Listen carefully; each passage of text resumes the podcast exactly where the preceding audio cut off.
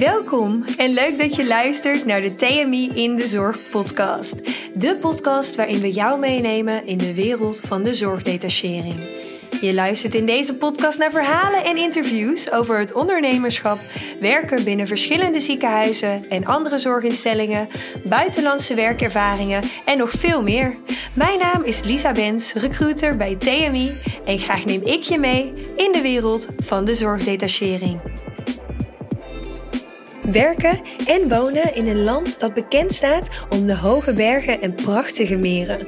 Dan praten we natuurlijk over Zwitserland. Zwitserland telt ruim 300 ziekenhuizen en privéklinieken. De vraag naar zorgprofessionals is groot omdat er onvoldoende mensen worden opgeleid voor een baan in de zorg. Hier zijn de Nederlandse zorgprofessionals erg gewaardeerd om hun hoge opleidingsniveau, werkmentaliteit en flexibiliteit. En daarnaast staat het werken in Zwitserland bekend om de goede verdiensten. Dat klinkt bijna te mooi om waar te zijn. En in deze aflevering vertelt Anja Vos alles over haar ervaringen en wat je nodig hebt om te starten met dit mooie avontuur. Want vandaag gaan we een podcast opnemen over uh, Zwitserland. En daarvoor zit ik hier met uh, consulent Zwitserland, als ik het goed zeg, Anja Vos. Ja. Welkom. Dank je. Leuk dat je er bent. Ja, dank. Um, heel veel mensen hebben altijd heel erg interesse naar werken in Zwitserland, maar weten daar verder niet zoveel uh, van. Dus daarom ben ik wel heel erg benieuwd naar uh, wat we ze een beetje kunnen vertellen over hoe het proces in elkaar zit en uh, wat jij zelf meemaakt op dit vlak. Dus zou je allereerst jezelf even willen voorstellen ja, aan onze zeker? Zeker. Ja, ik ben Anja Vos, collega bij TMI sinds zeven jaar nu. Um, accountmanager, recruiter een beetje in één. Ik um, ben gestart um, eigenlijk als office manager, heel kort af. Um, en ben heb heel snel dat uh, Zwitserland tak overgenomen. Dus opgebouwd toen van Monique Meerburg. En ja, het ene kwam op het andere. Ik sprak Duits en dat, uh, dat is natuurlijk nodig om uh, voor Zwitserland te kunnen werken. Dus zodoende ben ik begonnen. En uiteindelijk, ja, steeds met heel veel plezier. Sinds zeven jaar. Wat goed. Ja. En ik ben eigenlijk wel benieuwd, want Zwitserland heeft natuurlijk ook gewoon opleidingen. Waarom vraagt Zwitserland om Nederlandse zorgprofessionals? Ja, dat is een goede vraag. Uh, Zwitserland telt maar 8 miljoen inwoners. En uh, net, net zo groot als Nederland ongeveer. En dat zijn natuurlijk heel weinig mensen op uh, best wel groot land. Of nou ja, groot maar goed, ja. uh, voor heel veel ziekenhuizen, laten we dat zo uh, zeggen. Want Zwitserland telt ongeveer 300 zorginstellingen. 300? 300, ja, dat zijn enorm veel. En dan tel ik wel rehabilitatieklinieken mee, psychiatrische instellingen. Dus uh, ja, maar in het Duitsstalige gebied, hè, want Zwitserland is ingedeeld in vier talen. Uh, dat weten de meeste mensen wel. Dus hoofdtaal is Duits. Um, maar daarna spreken ze Frans, Italiaans en retro-Romaans. Oh, dat wist ik zelf ook niet. Uh, die, die, laatste twee, om eerlijk te zijn. Ja, retro-Romaans is een beetje een mix uit... Um, ja, een beetje moeilijk uit te leggen, maar het, is, uh, het klinkt heel leuk. Dus als je een keer op YouTube een, een filmpje wil kijken, retro-Romaans. Het klinkt een beetje Grieks, maar het is een mix uit Italiaans en Zwitser-Duits en een beetje... Engels misschien nog tussendoor te horen. Dus dat zo'n paar woorden zijn een beetje ja, gek om, om uh, daar vergelijkingen mee te trekken. Maar dat is een heel klein uh, gedeelte. En in het zuidwesten van Zwitserland, heel klein, heel klein gedeelte. Um, ja, de hoofdtaal is Duits. En in Ticino bijvoorbeeld wordt Italiaans gesproken. En voornamelijk in Genève en het oostelijke gebied is het Franse gedeelte. En wij bemiddelen echt alleen naar het Duitse ja, gebied? wij bemiddelen naar het Duitse gebied. Want anders zou het voor ons twee talen moeten leren zijn. En dat zou een beetje veel zijn. Waarbij ook de Duitsstalige gebieden het grootste gebied is. Dus daar trekken alle steden. Hè? Basel, Luzern, ba uh, Bern, Luzern. Dus dat zijn de steden en alles eromheen. De bergregio's zijn een beetje de Alpen. Kijk even op onze kaart die we hier hebben hangen. Uh, dus alles wat een beetje zuidelijker is, dat is nog wel echt Duitsstalig. Dus ook uh, leuk in de bergen te zitten. Zeker. Oké, okay, en wat voor disciplines uh, bemiddelen wij daarheen? Want ik kan me voorstellen dat niet alle disciplines die kant op kunnen. Nee, helaas niet, want de opleidingen sluiten dan niet aan. Uh, voornamelijk zijn het algemeen verpleegkundigen, maar ook in het psychiatriebereik. We hebben uh, in de verpleegkunde spoedeisende hulp, anesthesie, OK, zoals paramedische, fysiotherapeuten, ergotherapeuten. We zoeken ook CSA-medewerkers, diagnostische laboranten wat uh, ontbreekt. Ja, dat zijn voornamelijk verloskundigen. Wel een heel breed scala. Ja, het is zeker breed. En uh, de vraag is, uh, de, de nood is hoog, dus de vraag is groot. Dus ja, voornamelijk komt het denk ik omdat veel buitenlands personeel er is. En wat, wat zodoende ook daarnaartoe leidt dat niet iedereen in Zwitserland blijft. Dus de rotatie blijft in Zwitserland. Dus ze vragen Want vaak is het wel dat je daar een jaar heen moet. De kortere periodes zijn mits ervaring niet echt mogelijk? Nee, dat wordt lastig. Kijk, de inwerkperiode is drie tot zes maanden in Zwitserland. Hè? Als, je, als je heel snel een klik hebt met je, met je werkgever, met een goede inwerk hebt dus ook de ruimte daarvoor is om je in te werken. Dus als heel veel collega's er zijn, um, dan is de inwerkperiode ongeveer drie maanden. Maar als je zelf maar zes maanden blijft of maar drie maanden wil blijven, ja, dat is gewoon te kort. Dan hebben ze eigenlijk niks aan je. Dus dat, uh, dat is een beetje de reden waarom ze ook minimaal een jaar vragen. Het is niet verplicht, je tekent niet voor een jaar. Het is een onbepaalde tijdscontract wat je krijgt in Zwitserland. Uh, maar ze vragen toch wel echt dat je open staat voor een jaar. En zie je veel mensen dat ze langer dan een jaar blijven of juist korter? Ja, zeker. Ja, de meeste mensen blijven langer dan een jaar. En dat, eh, dat, dat wat eigenlijk iedereen zegt, is dat een jaar zo voorbij is. Dat ze echt uh, zeggen van, nou ja, voordat ik hier echt gezetteld ben, uh, is de helft van de tijd, zijn de zes maanden al om. En voordat je echt kan genieten van het land waar je dan zit, dan, dan vergaan we echt een paar maanden. Dus dan een jaar gaat super snel om. Dus de meeste mensen blijven wel, ik denk gemiddeld twee, drie jaar. Twee, drie jaar. En gaan dan ook regelmatig weer terug als ze weer hier in Nederland zijn? Of? Ja, we hebben nu bijvoorbeeld iemand die uh, bij ons in dienst komt in Nederland. Die is er drie jaar in de Zwitserland geweest. En die gaat nu om de beurt een beetje. Dus die gaat een aantal maanden uh, naar Zwitserland per jaar. En dan gaat ze weer in Nederland weer ons werken. En wat merken die mensen dan als verschil in het uh, Zwitserland ziekenhuis of kliniek en hier in Nederland? Ja, dat is een goede vraag. Uh, dat is heel erg afhankelijk van, van de instelling in Zwitserland. Dus dat kan je niet zo helemaal over één hoop uh, gooien. Vaak is het toch ook dat er meer ruimte is hè, om je werk uit te oefenen. Dus je hebt, ook al is er een tekort in Zwitserland, meer mensen op de patiënten. Dus je kan gewoon wat, wat, wat ja wat breder je werk uitoefenen. Dat is het eigenlijk. Hè? Het is niet zo gehaast allemaal. Het is niet zo dat je, dat je echt die, die acht uur die je werkt, of hè, als je fulltime gaat werken, dat het echt helemaal gestrest is aan het einde van de dag. Dus je, je hebt wat meer mensen. Dat is voornamelijk de grote verschillen. Zijn werktijden nu ook anders in Zwitserland dan in Nederland? Ja, die zijn zeker anders. Fulltime werken is 42 en soms wel in ziekenhuizen 42,5 uur per week. Um, en dan is het per afdeling, ook per ziekenhuis, hoe dat ingedeeld wordt. Je hebt zelfs de keuze om te zeggen van, nou ja, het lijkt me leuk om wat meer uren op een dag te doen. Uh, ik wil maar vier dagen in de week werken. Dat is juist voor buitenlands personeel interessant, omdat ze dan bijvoorbeeld acht dagen aan een stuk kunnen werken. En dan wat, uh, wat langer vrij zijn zonder vakantie op te kunnen nemen of moeten nemen. En dan natuurlijk naar Nederland terug kunnen. Oh, doen veel mensen dat inderdaad, dat ze acht dagen achter elkaar werken. Maar dat is, zoals je vertelt, dus niet zo ja, zo'n drukke werksfeer nee, als hier in Nederland. Ja, dat, dat de meeste mensen na de inwerkperiode, als ze echt gezetteld zijn, merken toch dat het wat rustiger is. En dat uh, het werken wat anders aan toe gaat dan in Nederland. En dat ze wat minder uitgeput zijn s'avonds, denk ik. En dat ze dan zeggen van, nou ja, het lijkt me toch wel leuk om wat meer dagen vrij te zijn. En daarvoor neem ik het voor goed om dan wat meer dagen achter elkaar te werken. Ja. Nou, wel heel erg interessant. En ik denk dat heel veel mensen het ook wel op de bucketlist hebben staan. Want wat heb je zoal nodig? Want mocht mensen geïnteresseerd zijn om naar Zwitserland te gaan, wat heb je daarvoor nodig? Hoe zit dat in elkaar? Nou ja, voornamelijk je diploma. Dus dat, uh, dat is wel heel handig. Ja, je diploma moet gewaardeerd worden in Zwitserland. Dus dat wordt erkend. Dus dat moet in Nederland afgelegd zijn. Um, Duurt dat lang, een uh, diploma erkennen? Ja, kan. Het, het ligt daaraan. Als je alle documenten uh, hebt, hè, dus het gaat bijvoorbeeld erom dat je je diploma in het Engels moet hebben. Je moet een, uh, een BIG-registratie hebben. Die moet dan ook weer van het begin in het Engels zijn. Of het moet beëdigd vertaald worden. En dan kan, kan er wel even enige tijd overheen gaan.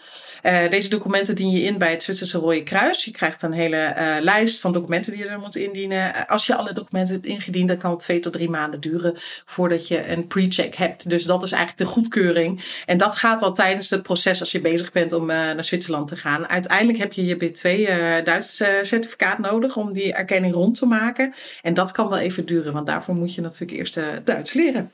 En Help jij daarin? Nou ja, ik niet. dat zou leuk zijn. Wij hebben Duits docent in dienst, Sean Peters. En Sean Peters leidt onze kandidaten op tot gewenst niveau. Ja, de meeste mensen komen uh, tijdens uh, sollicitatiegesprek, kennismakingsgesprek met mij.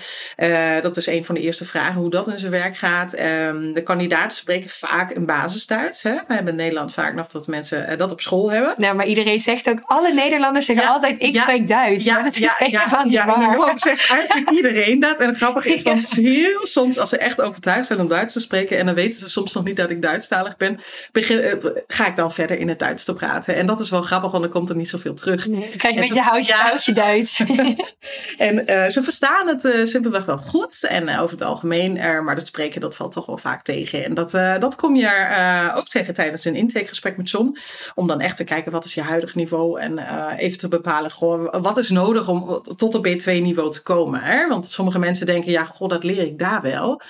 Dat is vaak wat ik hoor. Um, maar de mensen moeten zich wel realiseren dat we er voorafgaand dat eh, niveau Duits uh, moeten bijspijkeren en echt op een goed niveau kunnen brengen. Want je moet uh, tenslotte een sollicitatiegesprek in het Duits aankunnen. Met de kliniek waar je gaat werken? Ja, ja, ja. Um, dus wij zeggen, neem je de tijd als je echt de basis Duits spreekt. En dat is vaak wat ik zeg, nou dat is dat echt vakantieduits. Hè? Je kan een kop koffie bestellen of je kan even vragen hoe het gaat. Of je kan naar de weg vragen of even wat uitleggen. Dat is een beetje vakantieduits wat eigenlijk ja, de meerheid wel spreekt. Maar als je toch echt naar de B2 moet, dan moet het ook echt medisch Duits zijn. En een sollicitatiegesprek inderdaad aan um, om ja, daar, daar naartoe te kunnen. Hè? Om überhaupt uh, kennis te kunnen maken met het ziekenhuis. Om, uh, om mee te kunnen lopen. Dus daar, dat is waar het naartoe gaat. Zijn ze streng daarin? Ja, sommige ziekenhuizen zijn zeer streng. Dus die verwachten ook echt een iets beter uh, niveau nog dan gemiddelde ziekenhuizen. Dus die zeggen van nou ja, om je in te kunnen werken, kunnen we niet nog werken aan je Duits. dus je moet hier op dag één echt ja, echt iedereen kunnen verstaan. En dan hangt het ook een heel klein beetje daarvan af wat voor soort ziekenhuis het is. Hè? Heb, je, heb je wat vaker bijvoorbeeld op een geriatrische afdeling waar vaak oudere patiënten liggen. Uh, ja, die spreken toch heel veel Zwitser Duits. Um, ze kunnen allemaal Hoogduits, hebben ze allemaal ooit geleerd hè, op school. Um, maar ze vallen dan niet zo snel terug. Dus het is, het is voor, voor ja, patiënten wel gewoon belangrijk hè, om, zich, om zich prettig te voelen tijdens de opname in een ziekenhuis. Dat ook de verpleegkundigen ze goed kunnen verstaan en dat ze zelf ook uh, ja, verstaanbaar zijn. Hè? Dus dat, dat is belangrijk. Je moet artsen kunnen verstaan, dus dat is natuurlijk ook belangrijk. Ja, overleggen, dus aanwijzingen, overleggen, visite. Dus dat, al dit soort dingen, die moet je kunnen. Dus dat is belangrijk. En hoe ziet zo'n les met uh, John eruit? Ja, dat is een goede vraag. Zouden we John eigenlijk erbij moeten halen? Ja? Ehm, ik heb zelf ook nog geen les gehad bij John. Nou, John doet eigenlijk eerst met iedereen een intake. Hè? Dus dan wordt het huidige niveau bepaald. En dan wordt ook uitgelegd hoe een les eruit ziet. Die lessen gaan allemaal online, individueel. Dus, hè? dus iedereen is natuurlijk uh, aan het werk. En iedereen krijgt echt privéles? Ja, het is echt een privécursus. Dus het is echt op je behoeftes afgestemd. En uh, ja, op jouw snelheid. Hè? Wij verwachten wel dat het binnen een bepaalde tijd van een afgesproken aantal maanden wel bereikt wordt, dat niveau. Dus dat we niet te lang tijd ervoor overheen laten gaan. Maar dat uh, wordt in een informatiegesprek natuurlijk besproken met elkaar. Van, van wat ook de plan, planning is. Hè? Van wanneer wil je naar Zwitserland? Wil je dat pas volgend jaar? Um, ja, dan gaan we niet meteen met de Duitse cursus starten. Maar wil je dat zo snel mogelijk? Dan gaan we zo snel mogelijk starten. En dan kan je ervan uitgaan dat je vier tot zes maanden over doet. Voordat je je als kandidaat kunt voorstellen in Zwitserland. Dus het begint dan eigenlijk inderdaad met die diplomawaardering? Of is het eerst echt de Duitse cursus? Eerst is echt de Duitse cursus en die diplomawaardering, daarvoor moet je al uh, wel wat Duits, Duits spreken. Ja, om dat eigenlijk te kunnen lezen wat je eigenlijk moet doen. Ik help daar uiteraard mee, maar ja, je tekent dit ook, hè? dus je wil natuurlijk weten wat je tekent. Ja. En, uh, uiteindelijk ja, moet je toch ook die B2-toets doen. Dus um, om daar een beetje zicht op te hebben hoe lang dat nog gaat duren. En die diploma-erkenning nogmaals duurt twee tot drie maanden voorafgaand, hè, die pre-check. Um, en vaak is het zo dat de meeste mensen dan al bezig zijn met de Duitse cursus. Ja. Wat interessant. Dus mensen die bij jou aankomen en zeggen: Nou, Anja, ik wil uh, morgen of over een week wel naar Zwitserland. Dat zit er waarschijnlijk niet in. Dat zit er niet in. Mits je Duits echt Duits spreekt. Misschien een Zwitserse diploma-waardering al hebt. Ja. Want anders ben je zeker wel eerst een half jaar op weg voordat je je voorgesteld ja, precies, kan worden. Precies. Ik heb uh, vorig jaar een uh, leuke therapeut, ergotherapeut gehad. En die sprak toevallig Duits. Die is tweetalig opgevoed. En dan kan het heel snel gaan. Dus die is volgens mij twee weken later, na ons kennismakingsgesprek op snoepertaak uh, naar Zwitserland gegaan. Die is bij een ziekenhuis meegelopen. En die is volgens mij een maand later begonnen in Zwitserland. Ja.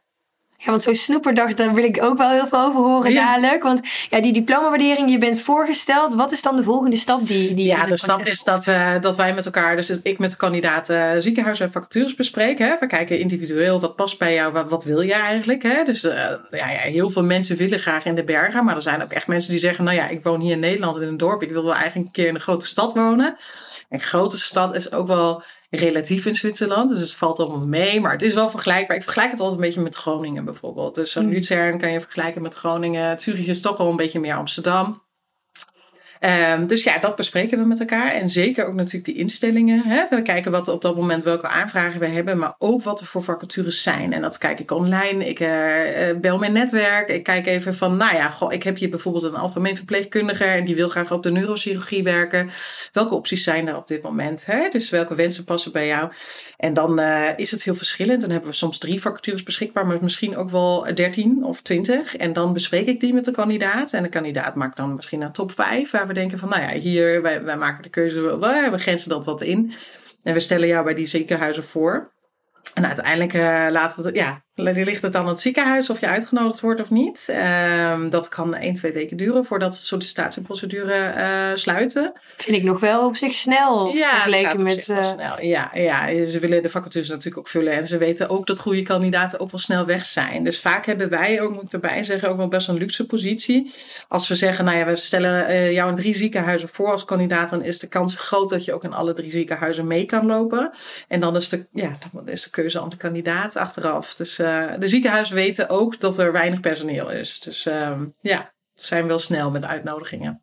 en dan krijg je een berichtje, je mag uh, komen of we willen je leren kennen. Wat houdt dat in? Ja, dat is dan uh, de zogenoemde snoepertaak. Hè? Dus dat uh, de kandidaat dan even met mij bespreekt wanneer, wanneer het mogelijk is om naar Zwitserland te reizen. De kandidaat reist dan of met de auto of met het vliegtuig, wat je wil, of met de trein. De nachttrein rijdt ook weer van Amsterdam naar Zurich. Uh, naar Zwitserland. Uh, we spreken af wanneer uh, de kandidaat meeloopt op een dag. En dan is het vaak echt een dagdienst die je meeloopt. Dat je echt best wel vroeg bij het ziekenhuis moet zijn.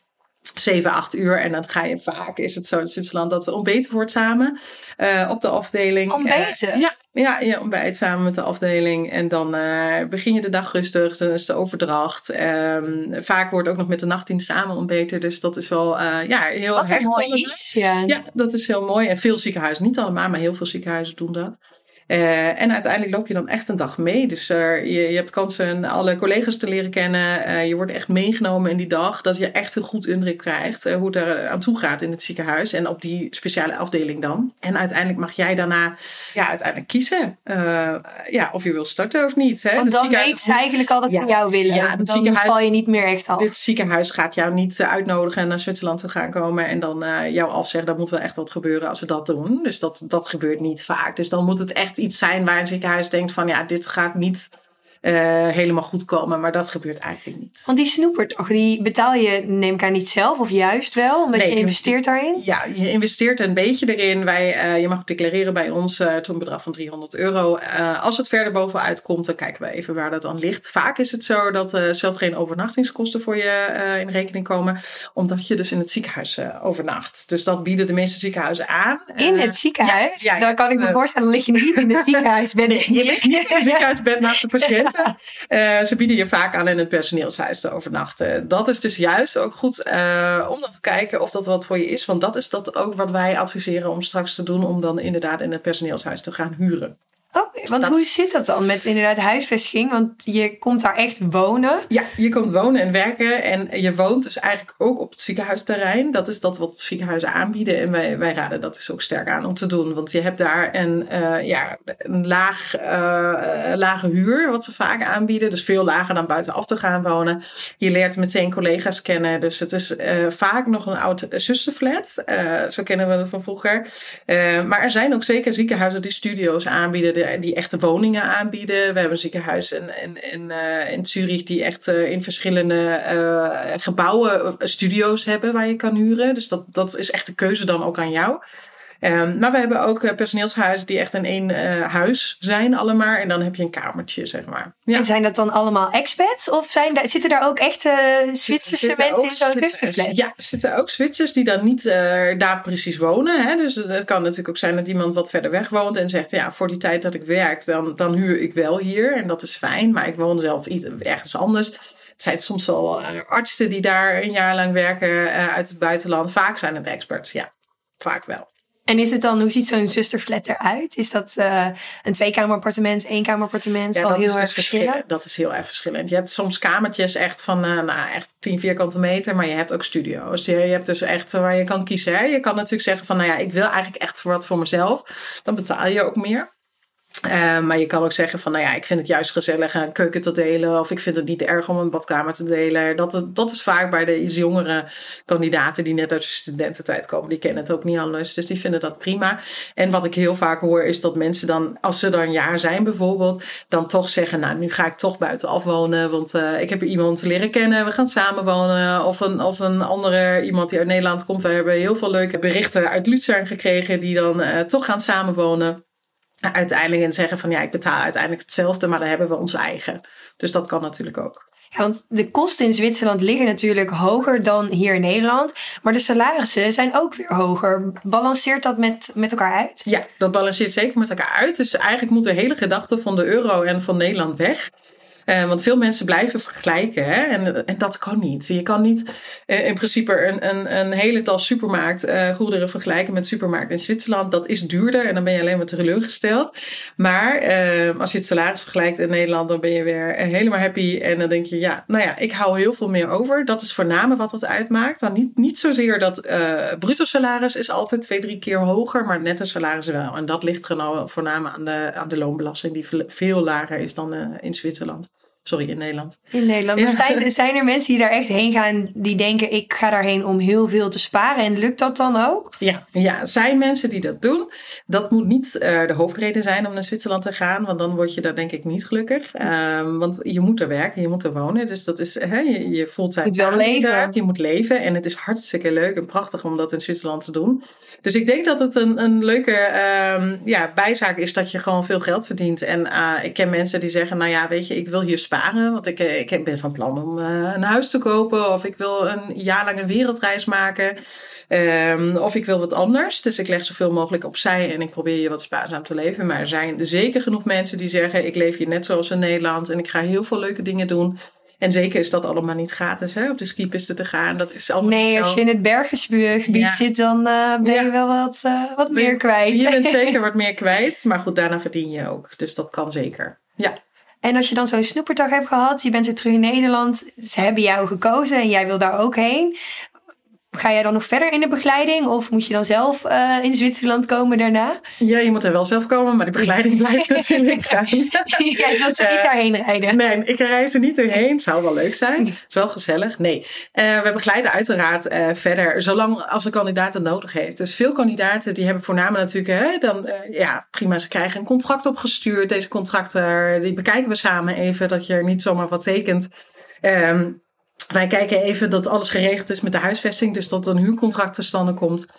Uh, en uiteindelijk gaan we dan even verder wat hier in Nederland moet gebeuren. Hè? Je moet je uitschrijven uit de gemeente hier. Je moet even alles opzeggen. Denk aan sportabonnementen. Denk aan uh, alles wat je hebt lopen, wat je niet meer kan gebruiken. Zorgkostenverzekering? Dus zorgkostenverzekering wordt stopgezet met die dag dat je uitgeschreven bent uit Nederland. Um, dat is belangrijk, want je moet een zorgverzekering afsluiten in Zwitserland. Daar eh, ondersteun ik mee. Uh, de, wij kijken samen wat past het beste bij jou. Dat zijn zaken die geregeld moeten worden. In Zwitserland dien je een bankrekening te openen nadat je hebt aangemeld bij de gemeente. Ik laat je weten waar dat moet zijn allemaal. Um, dus dat zijn in principe de hoofdzaken die moeten gebeuren. Het is niet heel veel wat er moet gebeuren. En het um, klinkt voor heel veel mensen ook uh, alsof ze in Nederland zich inschrijven. Dus hè, ik ken ook mensen die zeggen, nou ja, ik ben een jaar weg geweest en, en toen heb ik net hetzelfde gedaan. Um, dus het is niet allemaal hogere kunst wat je moet doen. Het is, uh, het is in principe uitschrijven Nederland, inschrijven in Zwitserland. Het is um, zorgverzekering afsluiten en een bankrekening openen. Dat zijn de belangrijkste hoofdzaken. Zijn er ook veel mensen die echt hun huis verkopen, auto verkopen en dan uh, daar kopen? Want dat is natuurlijk ook wel weer een grote ja, er zijn ook wel veel mensen die dat doen. Die zeggen, ik wil echt helemaal immigreren. Dat zijn vaak mensen die Zwitserland goed kennen. En zeggen van, nou ja, ik heb toch echt een keuze genomen. Vaak ook met familie samen. Uh, dat zijn niet zozeer echt jonge mensen. Dat zijn mensen die al wat verder in het leven staan. En denken van, nou ja, wij, wij gaan toch de keuze maken om samen met, uh, met het gezin bijvoorbeeld naar Zwitserland te verhuizen. En die weten vaak ook precies waar ze naartoe willen. Dus die hebben dan vaak een, een bepaald beeld voor ogen. Dat ze zeggen, nou ja, ik ken een plekje. Ik wil heel graag daar naartoe. Uh, ik schakel Anja in TMI in voor een baan in Zwitserland. Um, en ik help uiteraard met dingen, maar vaak is het dan toch zo dat mensen toch al uh, zeggen bijvoorbeeld, ja, ze hebben al een huis of ze hebben al iemand uh, die weten waar, waar ze kunnen huren of ze willen in Zwitserland een huis kopen zelf. Dat kan natuurlijk ook. Um, ja, die uh, gaan in, in Nederland hier alles opzeggen en verkopen. Ja, dat kan. Wat zijn er nog andere vragen die je vaak tegenkomt die we nog niet hebben besproken? Waarvan je zegt, nou deze vraag wordt eigenlijk 9 van de 10 keer wel bij het kennismakingsgesprek eventjes uh, benoemd. Ja, vaak vragen kandidaten mij uh, hoe zo'n werk dat er echt uitziet. En uh, dat is altijd moeilijk te zeggen, want dat kan je ook in Nederland niet zeggen. Want het is per afdeling, per ziekenhuis weer heel erg verschillend. Collega's zijn allemaal anders. Ja, collega's zijn zeker allemaal anders. Wat belangrijk is om te weten is dat we in Zwitserland gewoon heel veel buitenlands personeel hebben. Dus je bent sowieso nooit alleen. Er zijn altijd Nederlanders. Dus dat, dat, ja, we zijn gewoon heel gewild en populair in Zwitserland. Uh, dus het is eigenlijk nog nooit voorgekomen dat je in een ziekenhuis terechtkomt, afdeling waar geen Nederlanders zijn. Dus dan voel je ook wel lekker thuis. Uh, maar hou ook rekening met andere nationaliteiten. Hè? Duitsers, uh, Fransen, Italianen, Portugezen. Dus je hebt veel, eh, veel multicultureel personeel in Zwitserland, dat het juist leuk maakt. En waar het moeilijk is om te zeggen dat er een bepaalde ehm, ja, hiërarchie bijvoorbeeld herst of zo. Want dat neemt iedereen weer uit zijn land ook mee. Dus het is eigenlijk een goede mix van alles. Dus daar is niet echt een streep door te trekken uh, hoe het in zijn werk gaat. Het is eigenlijk een beetje zelf uitvinden en daarvoor zijn die snoepentaken bedoeld om te kijken van is dat wel het ziekenhuis wat bij me past. Dat is het belangrijkst. Ja. Hoeveel heeft degene die de meeste snoepertagen heeft gehad? Uh, of, of, hebben de meeste er maar twee wel? Ja, de meeste hebben twee, max drie. Want de keuze wordt natuurlijk niet makkelijker als je meer hebt. Ik heb wel één iemand gehad, dat is een OK-assistent geweest, die heeft er vijf gehad. En dat wilden ze gewoon heel graag. En uh, we hebben vijf ziekenhuizen gehad waar we de kandidaat hebben voorgesteld. Dus we hebben alle vijf uitgenodigd. En ja, wie ben ik om dan af te zeggen? Dus uh, de kandidaat wilde alle vijf doen. En uiteindelijk uh, is de keuze maar op eentje gevallen, want je kan maar in één ziekenhuis gaan ja, werken. Ja, je kunt zelf delen natuurlijk. Nee, ehm, maar dat was een beetje het meeste wat ik me kan herinneren, ja. En wat vinden de ziekenhuizen ervan als ze dan uiteindelijk de persoon niet komt? Of zijn ze dat wel gewend? Dat zijn ze op zich wel gewend. Zijn natuurlijk, ze weten ook wel dat we niet voor één ziekenhuis naar Zwitserland komen. En daar spelen wij ook wel op elkaar. En dat we uh, meestal zeggen van, nou ja, um, de kandidaat komt voor een week naar Zwitserland om kennis te maken met ziekenhuizen. Dus dat zegt voor een bepaald ziekenhuis ook wel genoeg om te weten dat de kandidaat in meerdere ziekenhuizen meeloopt. Vaak is, komt die vraag ook tijdens een snoepentaak aan de kandidaat zelf. Of de kandidaat nog in andere ziekenhuizen meeloopt. Dat is voor een ziekenhuis natuurlijk ook interessant. Fijn om te weten. Fijn om te weten. En vaak is het ook zo dat een ziekenhuis niet maar één kandidaat heeft om te snoeperen. Dus dat is ook wel voor de kandidaat wel goed om te weten dat er nog meer mensen komen snoeperen. Dus uh, goed, goed je best doen op zo'n dag. ja, precies. Ja. Want als je zo kijkt in al jouw jaren ervaring hierin, komen de meeste verwachtingen waarmee ze mee binnenkomen ook echt wel uit? Of eh, zijn er ook nog teleurstellingen waarvan mensen te hoge verwachtingen hebben gesteld voor dit avontuur? Nee, nee, ik heb geen teleurstellende verhalen. Ik heb één verhaal waar ik dacht, ja, dat, dat, um, dat is wel iets wat, wat een beetje als herinnering blijft. Dus uh, iemand geweest die al wat ouder uh, is en die heeft toch te maken gekregen en daar heeft hij nog nooit meegemaakt met heimwee. En dat is natuurlijk iets uh, wat kan gebeuren. Hè? Zwitserland is natuurlijk wel een ander land. Het is niet ver weg. Je kan vaak naar Nederland. Dat is natuurlijk wel het makkelijker Nederland, uh, aan Zwitserland. Maar um, ja, die heeft dan toch heimwee gekregen na een half jaar. En uiteindelijk is hij teruggegaan. En dat kan gebeuren. Dat is iets wat, wat voor iemand zelf niet leuk is. Maar um, ja, dat is dat enige waar ik denk dat het voor, voor hemzelf een beetje teleurstellend geweest. Ik vind het wel heel mooi dat je dit benoemt inderdaad. Want ik denk dat heimwee ook de grootste barrière is voor mensen om contact met jou op te nemen. Omdat ze denken, goh, inderdaad, wat nou als ik na een half jaar heimwee heb? Ja, stel dat het uh, zo erg is uh, als toen. Ja, dan moet je daarvoor kiezen om... om uh, een einde aan te maken en uh, terug te gaan naar Nederland. Dat kan natuurlijk. En gelukkig hebben we hier veel banen. En je kan bij TMI terecht uh, voor een baan uh, in Nederland. Um, dit is vaker nog nooit gebeurd, dus ik, ik zou het niet weten. Ik denk dat het het belangrijkste is dat mensen weten die zelf al een beetje weten dat ze eventueel heimwee kunnen krijgen dat het gewoon heel makkelijk is om uh, een weekendje, een weekje gewoon naar Nederland te rijden of te vliegen. Het is gewoon niet ver weg. De meeste mensen eh, die daar zitten, die komen ook gewoon regelmatig naar Nederland. En, en ja, laten zich op bezoeken. Hè? Dus familie, vrienden, uh, leuk een weekendje of een weekje naar Zwitserland. Ja, precies. Kunnen ze daar ook even skiën? Of inderdaad, je werkt Zeker. dagen en je ja. kunt gewoon iets langer naar huis. Dus ja. daar valt altijd wel uh, een, een, idee aan te passen. Absoluut, zeg maar. ja. ja. Oké, okay. en succesverhalen van mensen die daar echt zijn, gaan wonen, trouwen? Ja, ja, leuk. Oh. Ja, we hebben iemand die uh, heel lang geleden, een van mijn eerste bemiddelingen uh, naar Zwitserland, die heeft binnen een half jaar iemand ontmoet en die uh, is inmiddels getrouwd en heeft twee kindjes en die komt ook nooit weer terug. Die, die dus zit, die, is, die zit gelukkig in, in Zwitserland. Ik hoor van meerdere uh, kandidaten die al jaren in Zwitserland zijn, die vervolgopleidingen zijn ingegaan. Dat uh, vind ik altijd heel mooi om te horen. Dat zijn ook mensen die echt ervoor kiezen om wat langer in Zwitserland te blijven. Om daar alles uit te halen. Om te zeggen, nou ja, weet je, het is mij aangeboden om hier een vervolgopleiding te doen. Dus ik ga het doen. En ja, die daar heel veel uithalen in Zwitserland. Want dat, dat is iets wat ziekenhuizen ook wel willen. Hè? Dat je alles kan uithalen uit je periode in Zwitserland. Liefst willen ze natuurlijk dat je de komende 30 jaar er blijft. Maar ze weten ook dat het niet eh, altijd even zo is. Dus dat je ook weer teruggaat. En uh, het is natuurlijk een, een soort van binden aan uh, je personeel als je zoiets aanbiedt. Uh, maar veel mensen denken ook van ja, in Nederland had ik de kans misschien niet gekregen omdat er weinig opleidingplekken zijn. En veel kandidaten in Zwitserland zit dat anders. Dus Welke dat is... opleidingen worden dan uh, aangeboden? SHIC ook dan ja, juist? Bijvoorbeeld, ja, ja, ik ken iemand die die vervolgopleiding doet in Zwitserland. Iemand die nu uh, als teamleidster werkt en een bachelor doet in Zwitserland. iemand gaat de anesthesieopleiding doen of is nu al bijna klaar.